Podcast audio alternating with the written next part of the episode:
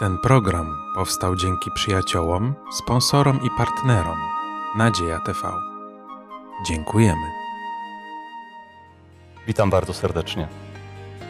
Jesteśmy w Kościele Adwentystów Dnia Siódmego w zborze w Podkowie Leśnej, a przed nami czas studium Pisma Świętego.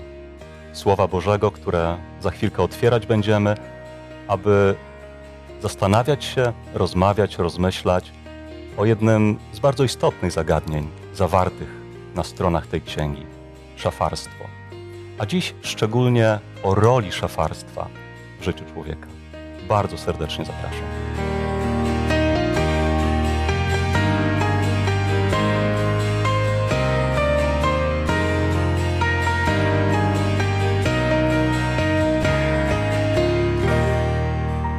Studium Pisma Świętego razem ze mną udział dzisiaj wezmą Joanna, Maciej oraz Andrzej.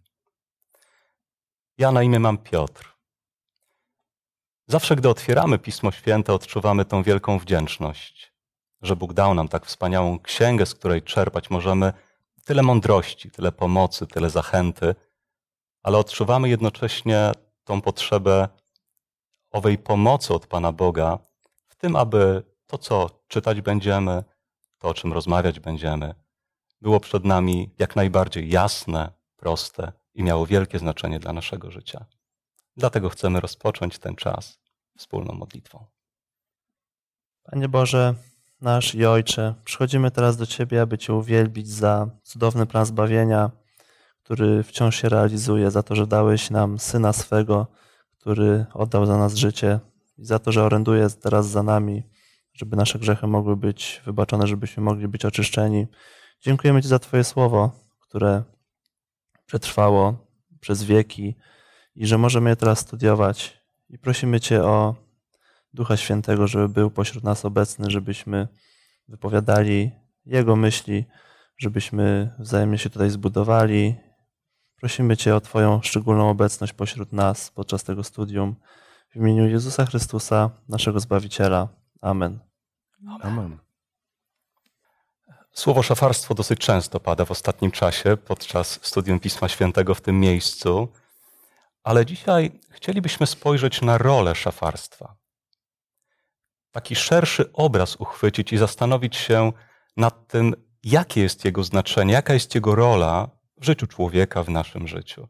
Ale powiem Wam, drodzy, że gdy myślałem o tym tytule Rola szafarstwa, to właściwie pomyślałem, że tak naprawdę chyba szczególnie potrzebujemy porozmawiać o roli Chrystusa w naszym życiu, roli Pana Boga w naszym życiu.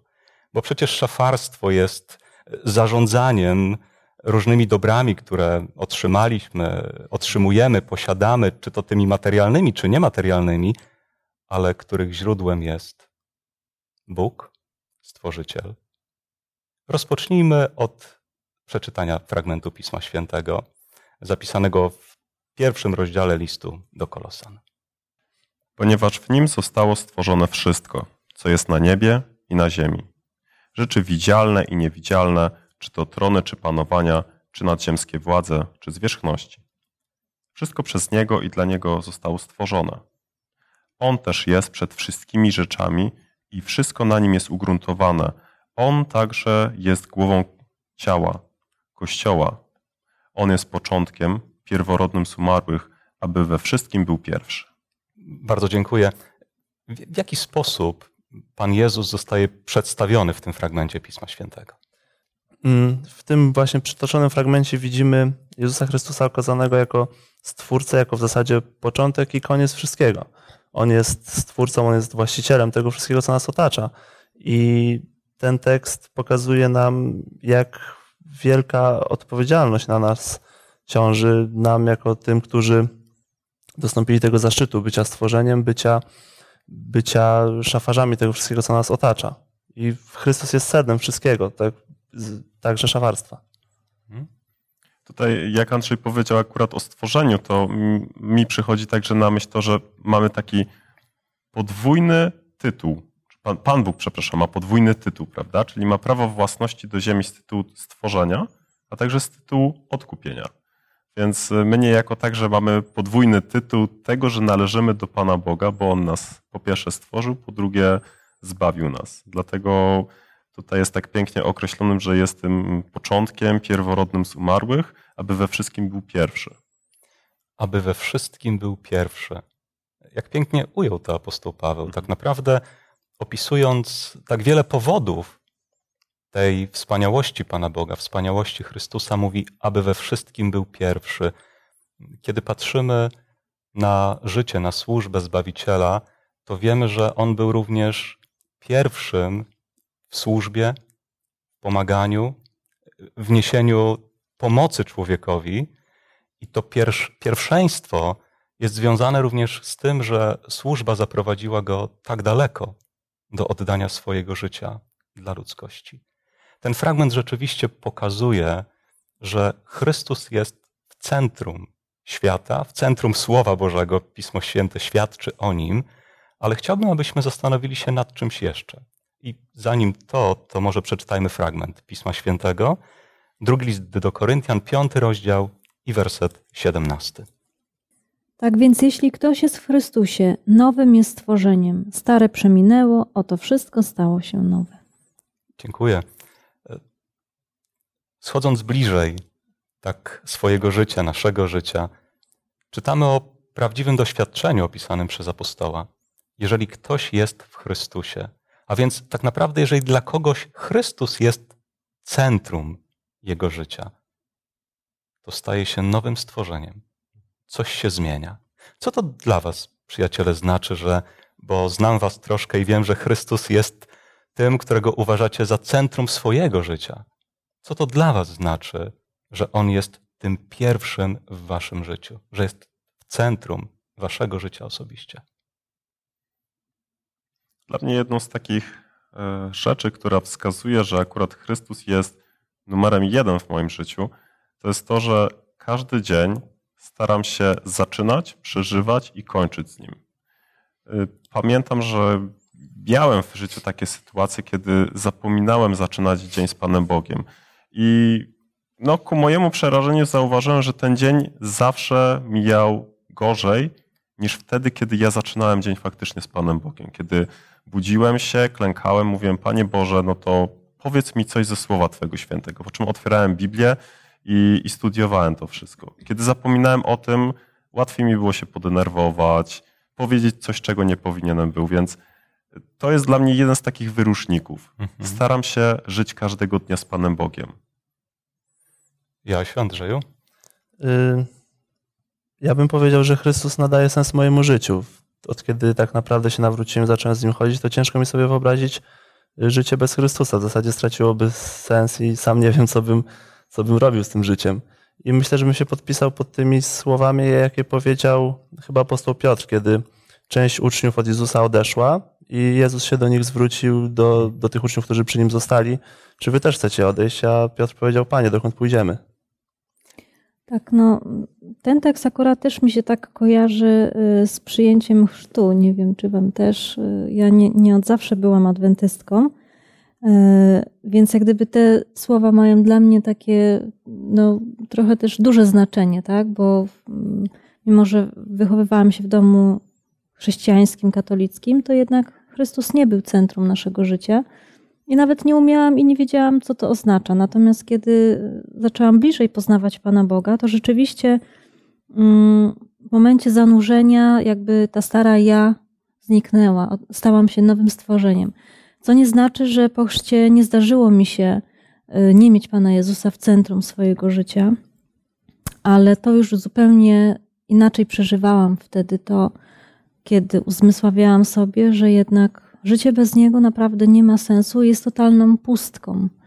I, I za nic bym nie chciała wrócić do tych czasów, kiedy On nie był centrum mojego życia. Dlatego bardzo ten tekst mi się tak kojarzy właśnie z tym, że, mm, no, że Jezus przemienia w tobie wszystko, po prostu wszystko. Mimo, że, że gdzieś kiedyś żyłeś inaczej, to On powiedział, że stare przeminęło, że teraz jesteś nową osobą, E, nową służebnicą i to jest takie piękne. Więc tak naprawdę, aby znaleźć odpowiedź na pytanie o rolę szafarstwa w naszym życiu, to potrzebujemy znaleźć odpowiedź na pytanie o rolę Pana Jezusa w naszym życiu, czy o miejsce Pana Jezusa w naszym życiu.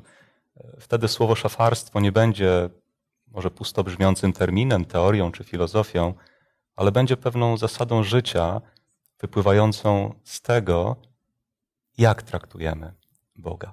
Czy podobnie, wrócę do tych słów, bo, bo bardzo przemawiają do mojego serca, czy podobnie jak apostoł Paweł powiemy, aby we wszystkim był pierwszy, aby w naszym patrzeniu na to, co mamy, jak się tym posługujemy, kim jesteśmy, szukać tej odpowiedzi na pytanie, co jest miłe dla Boga, co Jemu się podoba. Centrum. Pismo Święte mówi w bardzo ciekawy sposób o jednej ze wspaniałych, pięknych nauk wypływających e, z prawdy o tym, kim jest Bóg, w jaki sposób Bóg postanowił zrealizować plan ratowania, plan zbawienia człowieka. I przeczytamy teraz fragment z listu do Hebrajczyków, z ósmego rozdziału, pierwsze dwa wersety, aby porozmawiać właśnie o czymś, co, jak usłyszymy za chwilkę w czytanych słowach, było czymś głównym, centralnym, bardzo ważnym i pozostaje do dzisiaj dla osób wierzących. Bardzo proszę o przeczytanie. Y, czytam z współcześnionej Biblii Gdańskiej. A oto podsumowanie tego, co mówimy. Mamy takiego najwyższego kapłana, który zasiadł po prawicy tronu majestatu w niebiosach. Jest on sługą świątyni i prawdziwego przybytku, zbudowanego przez Pana, a nie człowieka. Dziękuję bardzo. Podsumowaniem, czy główną rzeczą, jak mówią niektóre, niektóre przekłady, tego, co mówimy, jest to, że jest arcykapłan, który służy w niebie, w świątyni zbudowanej, jak przed chwilką słyszeliśmy, nie przez człowieka, ale przez Pana. Jedną rzeczywiście z tych niezwykłych prawd Pisma Świętego jest prawda o istnieniu niebiańskiej świątyni i o służbie Chrystusa w niebiańskiej świątyni. I jest to coś bardzo centralnego. Dlaczego? Jakiś czas temu mieliśmy studium 10 dni modlitwy i akurat one były poświęcone naszemu arcykapłanowi, Jezusowi Chrystusowi. I ważne jest właśnie, abyśmy pamiętali o tym, że y, zbawienie, które dokonane zostało, jak to często mówimy, na krzyżu, to ma. Ono ciągnie się tak naprawdę dalej, prawda? Gdyby nie to, że Chrystus jest naszym arcykapłanem w niebie i teraz sprawuje tą służbę pojednania, to sama śmierć no, niejako nie wystarczyłaby do tego, żebyśmy byli zbawieni, ponieważ pojednawcza służba Chrystusa to jest śmierć plus Jego służba w świątyni niebieskiej. I dlatego On jest tą centralną postacią, bo nie dość, że dzięki Jego przelanej krwi możemy przyjść do Boga i powiedzieć tak, Panie, ja zgrzeszyłem, ale wierzę, że Jezus zapłacił za moje grzechy, to jeszcze mamy wspaniałego adwokata w osobie Pana Jezusa, który mówi, to są moje dzieci, ja za nie zapłaciłem. Mówimy o tym, że Chrystus jest w centrum.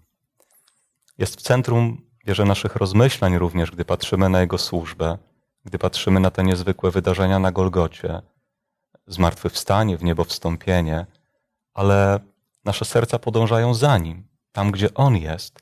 I dzisiaj szukając Go, patrzymy na to centrum, w którym się znajduje, jakim jest niebiańska świątynia, gdzie rzeczywiście, tak jak słusznie zauważyłeś, pełni bardzo ważną rolę, funkcję w tym planie zbawienia.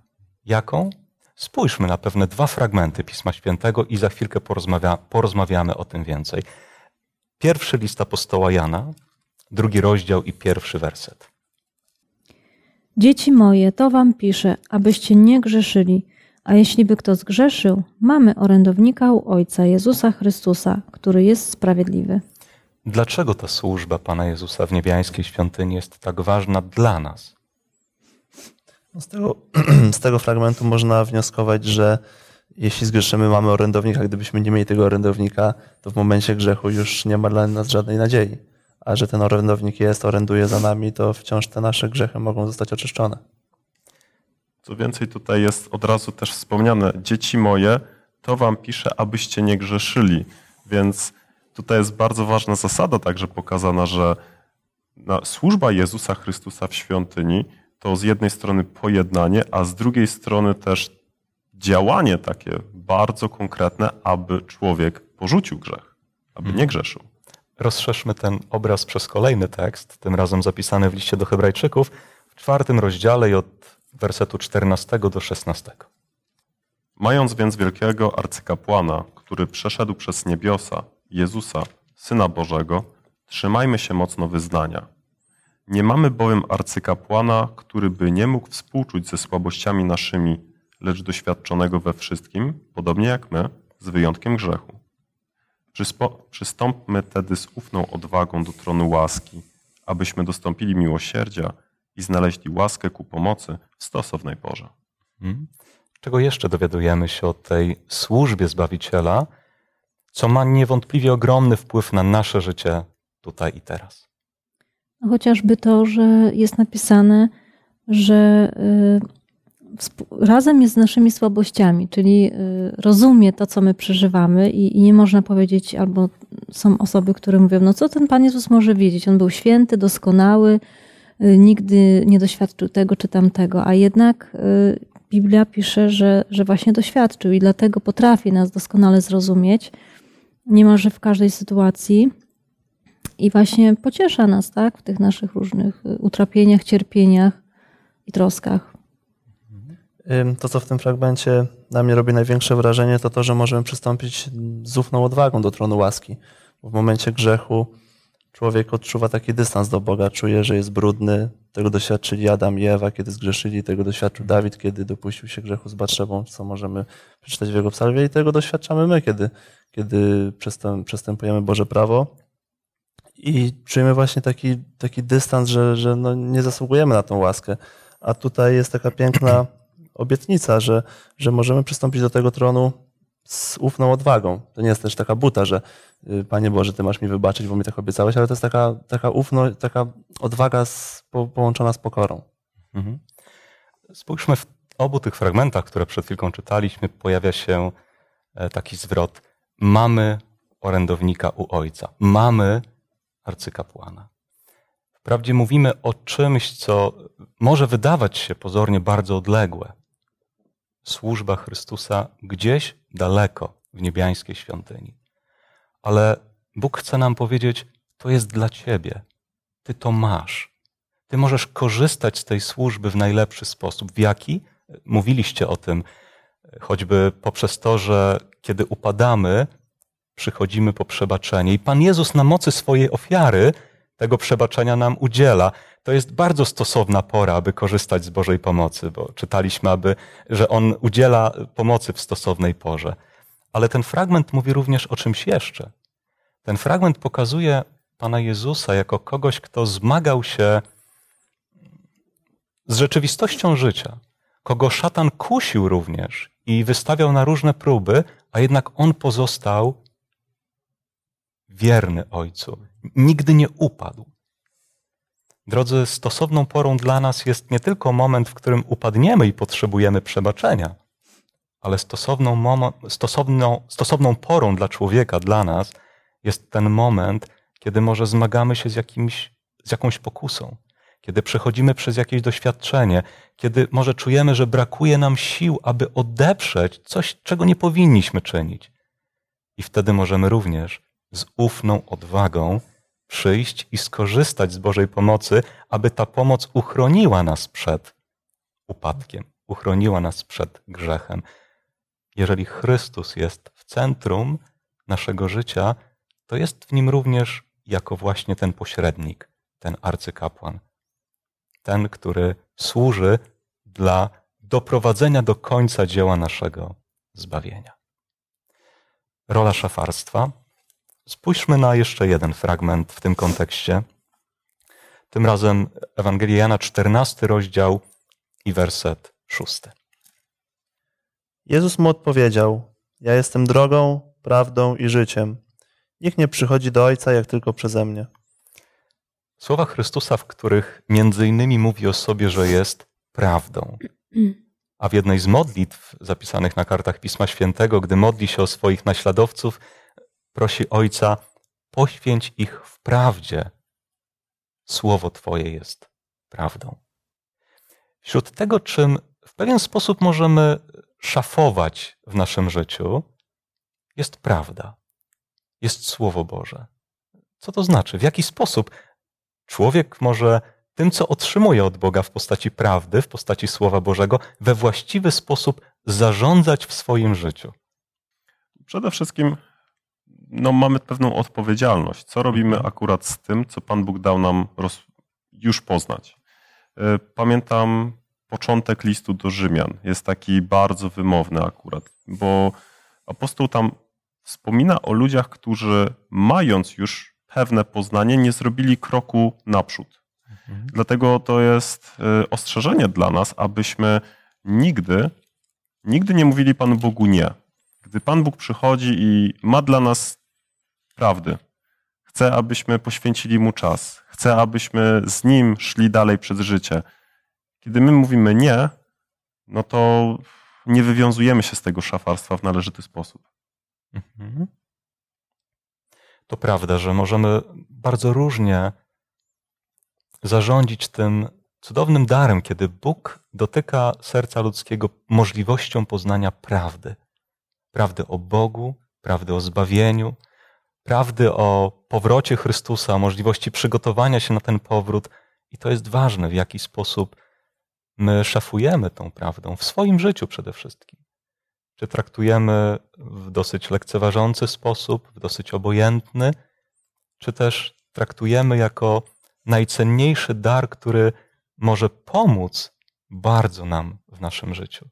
Dlaczego pomóc? Popatrzmy na list do Efezjan, czwarty rozdział i tam jeden werset, werset 24. A obleczcie się w nowego człowieka, który jest stworzony według Boga, sprawiedliwości i świętości prawdy. W jakim kierunku prowadzi człowieka to właściwe podejście do prawdy i Słowa Bożego?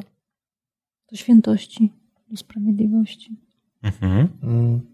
Musimy zdać sobie sprawę z tego, co się stało w ogrodzie Eden. W ogrodzie Eden odeszliśmy od tego stanu pierwotnego, do którego Bóg nas przeznaczył i przez swoją ofiarę, przez to, że przekazał nam tą prawdę, ten dar zbawienia, my możemy powrócić do tego stanu pierwotnego. Możemy znowu być, y, mieć tę nieprzerwaną łączność z Ojcem, naszym Stwórcą czytamy to wezwanie: obleczcie się w nowego człowieka, który jest stworzony w tej świętości prawdy. Drodzy, prawda to też pewnego rodzaju myśli, które przyjmujemy, akceptujemy, to pewnego rodzaju spojrzenie na świat, spojrzenie na Boga. I kiedy traktujemy Słowo Boże jako objawienie Bożej prawdy, jako Księgę, która odkrywa przed nami Boga, prawdę o Nim, to, co dla Niego jest prawdą, i akceptujemy ją w swoim życiu w taki sposób, że chcemy podporządkować nasze życie tej prawdzie, to wtedy dajemy naprawdę Panu Bogu możliwość zmieniania naszego życia, czynienia czegoś nowego, czegoś, co może nie było wcześniej w naszym spojrzeniu na drugiego człowieka, czegoś, co jest nowe, jest prawdziwe i co najważniejsze, jak czytamy, ma związek z Bożym charakterem, z Bożą świętością. Y, mówimy tutaj właśnie o, o, prawdzie i skojarzył mi się y, tekst z Ewangelii Świętego Jana, kiedy Pan Jezus stał przed Piłatem i, i rozmawiali, tak właściwie Piłat się pytał cały czas Pana Jezusa i, i, i Pan Jezus właśnie powiedział Piłatowi, że ja jestem drogą, prawdą i życiem, a Piłat się go zapytał, ale co, je, co to jest ta prawda? E, no i jak gdyby tutaj właśnie, no, mm, też Pan Jezus odpowiedział mu tak, że sam mówisz, że jestem królem. Ja się narodziłem i na to przyszedłem na świat, aby dać świadectwo prawdzie. Każdy, kto z prawdy jest, słucha głosu mego. I to jest jak gdyby, że ta prawda, oprócz tego, że to jest Jezus, sam Jezus, to również Słowo Boże. Bo ze Słowa Bożego wynika cała ta prawda o nim, mm, o, o wszystkim praktycznie, co jest związane z osobą Pana Jezusa. I, i, I, właśnie wydaje mi się, że żeby naprawdę tak doskonale tą prawdę zrozumieć, powinniśmy jak najczęściej to Słowo Boże czytać, bo ono nam wskaże tą prawdziwą prawdę, tą drogę. I... Y, jak mówimy o prawdzie, to mi się kojarzy, kojarzą słowa Jezusa, kiedy powiedział: Prawda was wyzwoli. Ta prawda, oprócz tego właśnie tak jak tu powiedzieliśmy, że prowadzi nas do Boga, jest też źródłem takiej prawdziwej wolności. To prawda.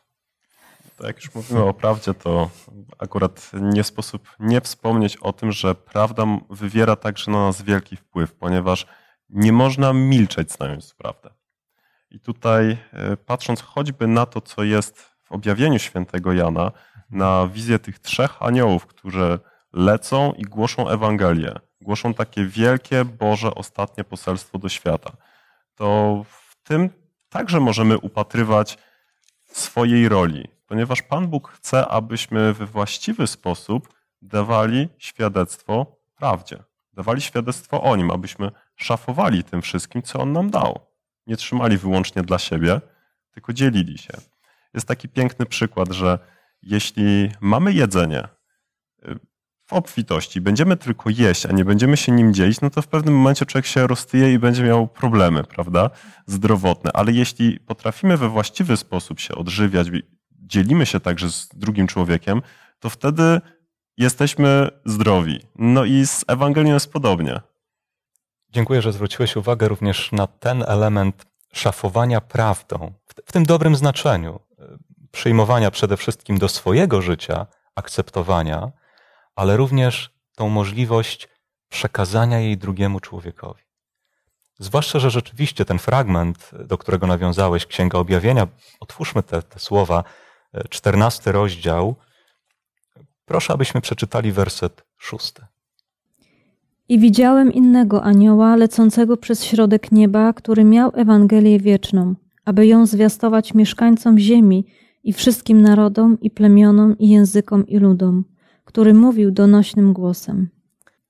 Ten obraz anioła czy posłańca, za symbolem którego właściwie kryje się każdy człowiek, który przyjął Ewangelię tym kontekście, który został tutaj, tutaj za chwilkę przedstawiony w kolejnych wersetach, rzeczywiście jest obrazem, który pokazuje, iż człowiek przyjmując do swojego życia Chrystusa jako prawdę, jednym z jego przywilejów, tego szafowania tym darem, jest możliwość przekazywania go dalej.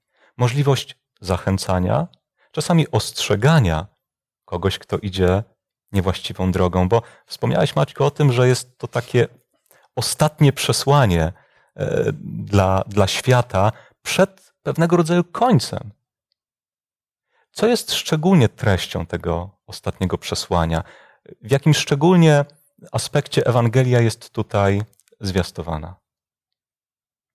Pierwsza rzecz to to, o czym już wcześniej wspominaliśmy. Bóg jest przedstawiony jako władca ziemi, mhm. Jako ten, który posiada prawo własności z tytułu stworzenia i z tytułu odkupienia. Czyli jest to wezwanie do uczynienia Boga tym, który może być w centrum życia ludzkiego? Tak. Mhm. Do oddania mu czci. Dziękuję. Y, drugi anioł mówi o tym, że upadł, upadł wielki Babilon i to jest takie przesłanie nadziei, że, że siły zła zostały pokonane, że, że w końcu przyjdzie taki czas, że tego zła już nie będzie. Dziękuję. Na jakie jeszcze aspekty Ewangelii zwracają te przesłania? Uwagę? O tym, aby nie oddawać nikomu innemu czci, jak tylko Panu Bogu. Mhm. Bo to wiąże się z tym, że właśnie w tym ostatecznym czasie w zależności od tego, kogo czcimy bądź nie czcimy, będziemy zbawieni albo nie. Tak, oddawanie Bogu czci zgodnie z tymi fragmentami jest również e, związane ze sposobem postępowania człowieka, tak? Z jego podejściem do przykazań Bożych, z tym, że oddając Bogu cześć, przyjmuje też Bożą pomoc każdego dnia do przestrzegania Bożych przykazań, również przykazania czwartego mówiącego o świętości dnia sobotniego. I niewątpliwie cały ten fragment kieruje naszą uwagę na Chrystusa. Dlatego, że jest to Ewangelia wieczna i naprawdę jest to zadziwiające, drodzy, że wśród wielu darów, które otrzymujemy od Pana Boga, aby nimi zarządzać, szafować, Bóg postanowił, że człowiek, który przyjmuje dar zbawienia, przyjmuje dar Ewangelii, będzie miał również przywilej przekazywania tego daru dalej. Poprzez zachęcanie, poprzez opowiadanie, poprzez pokazywanie prawdy, a tak naprawdę, mając udział w tym szafowaniu, będzie miał udział w radości oglądania ludzi, którzy skorzystają z tych słów prawdy. Czyż to nie jest niezwykłe? Czyż Bóg naprawdę dzieląc się z nami, dając, obdarowując, nie ma tak naprawdę na myśli tego, że gdy również będziemy Go naśladować w tym dawaniu, obdarowywaniu, to będziemy przeżywali po prostu radość, prawdziwe zadowolenie. Jest jeszcze jeden fragment Pisma Świętego, na który chcę, abyśmy zwrócili uwagę. To jest list apostoła Piotra, pierwszy list. I tam w pierwszym rozdziale otwórzmy wersety 15 oraz 16. Lecz jak ten, który was powołał, jest święty, tak i wy bądźcie świętymi we wszelkim waszym postępowaniu, gdyż jest napisane: Świętymi bądźcie, bo ja jestem święty. Tak, rozmawiamy o roli szafarstwa. Mówimy o miejscu Chrystusa w naszym życiu, które tak, które tak naprawdę determinuje to, jak podchodzimy do szafarstwa. I stajemy przed słowem, które jawi się jako ogromne wyzwanie dla człowieka, prawda? Jak czujecie się czytając te słowa? Na początku przychodzi myśl, no jak człowiek może być święty tak jak Pan Bóg? To jest, Mhm. to jest niewykonalne. Ale w tym dostrzegam także pewną obietnicę. Jak czytamy choćby przykazania w dekalogu, to tam jest powiedziane, nie będziesz tam na przykład kradł, zabijał, cudzołożył. I z jednej strony możemy to traktować właśnie jako pewne wyzwanie, jako coś, ok, to ja muszę teraz w taki sposób postępować, to czynić, a tego nie. Ale to też pokazuje, że mając ścisłą relację z Panem Bogiem, Pan Bóg doprowadza nas do takiego stanu, kiedy my faktycznie tego nie robimy. I tutaj akurat ja bym też tego upatrywał. Z jednej strony jest to wyzwanie dla nas, a z drugiej strony Bóg mówi, gdy Ty będziesz ze mną, gdy będziemy mieli tą ścisłą relację, gdy będziesz tym dobrym szafarzem, to ja Cię doprowadzę do takiego stanu, że Ty będziesz święty tą moją świętością. Proszę. No właśnie, tak jak wspomnieliśmy, to jest z ludzkiego punktu widzenia bycie świętym jak Bóg jest niemożliwe.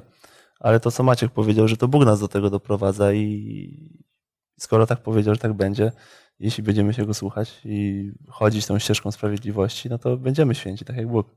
Mhm.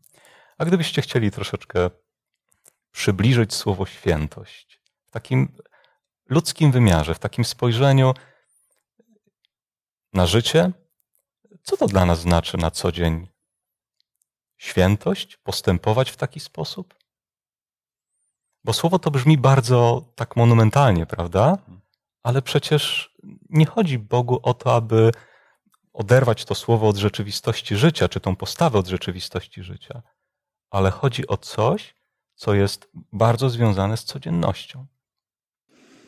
Y, No to, co mi się y, kojarzy y, z tymi wersytami, to na pewno to, że Pan Bóg każdego dnia daje nam szansę na to, żeby w tym postępowaniu właśnie okazać się świętym. Y, Jeżeli na przykład prosimy Pana Boga w modlitwie, Panie Boże, spraw, żebym była cierpliwa, Mhm. no to Pan Bóg nie sprawi, że ja nagle będę cierpliwa. On mi daje tą szansę, czyli stawia mnie w takiej sytuacji, gdzie ja tą cierpliwość mogę okazać. Jeśli mi się uda z Jego pomocą, no to w tym momencie jest to moje takie no, z Nim zwycięstwo i w tym momencie to moje postępowanie może być uznane jako święte, tak?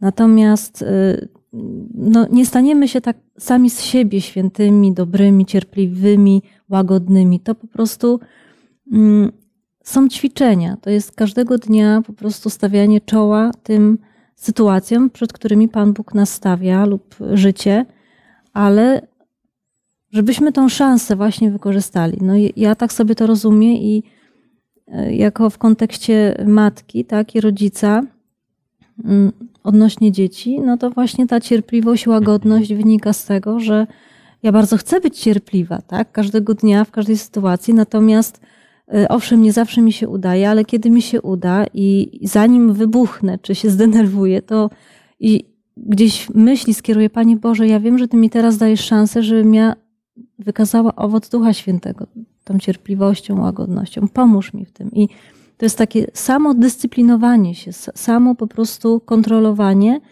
żeby jednak nie popłynąć tak, z taką naszą grzeszną naturą. Kasia już wspomniała o tym. To jest właśnie ta bliska więź z Panem Bogiem.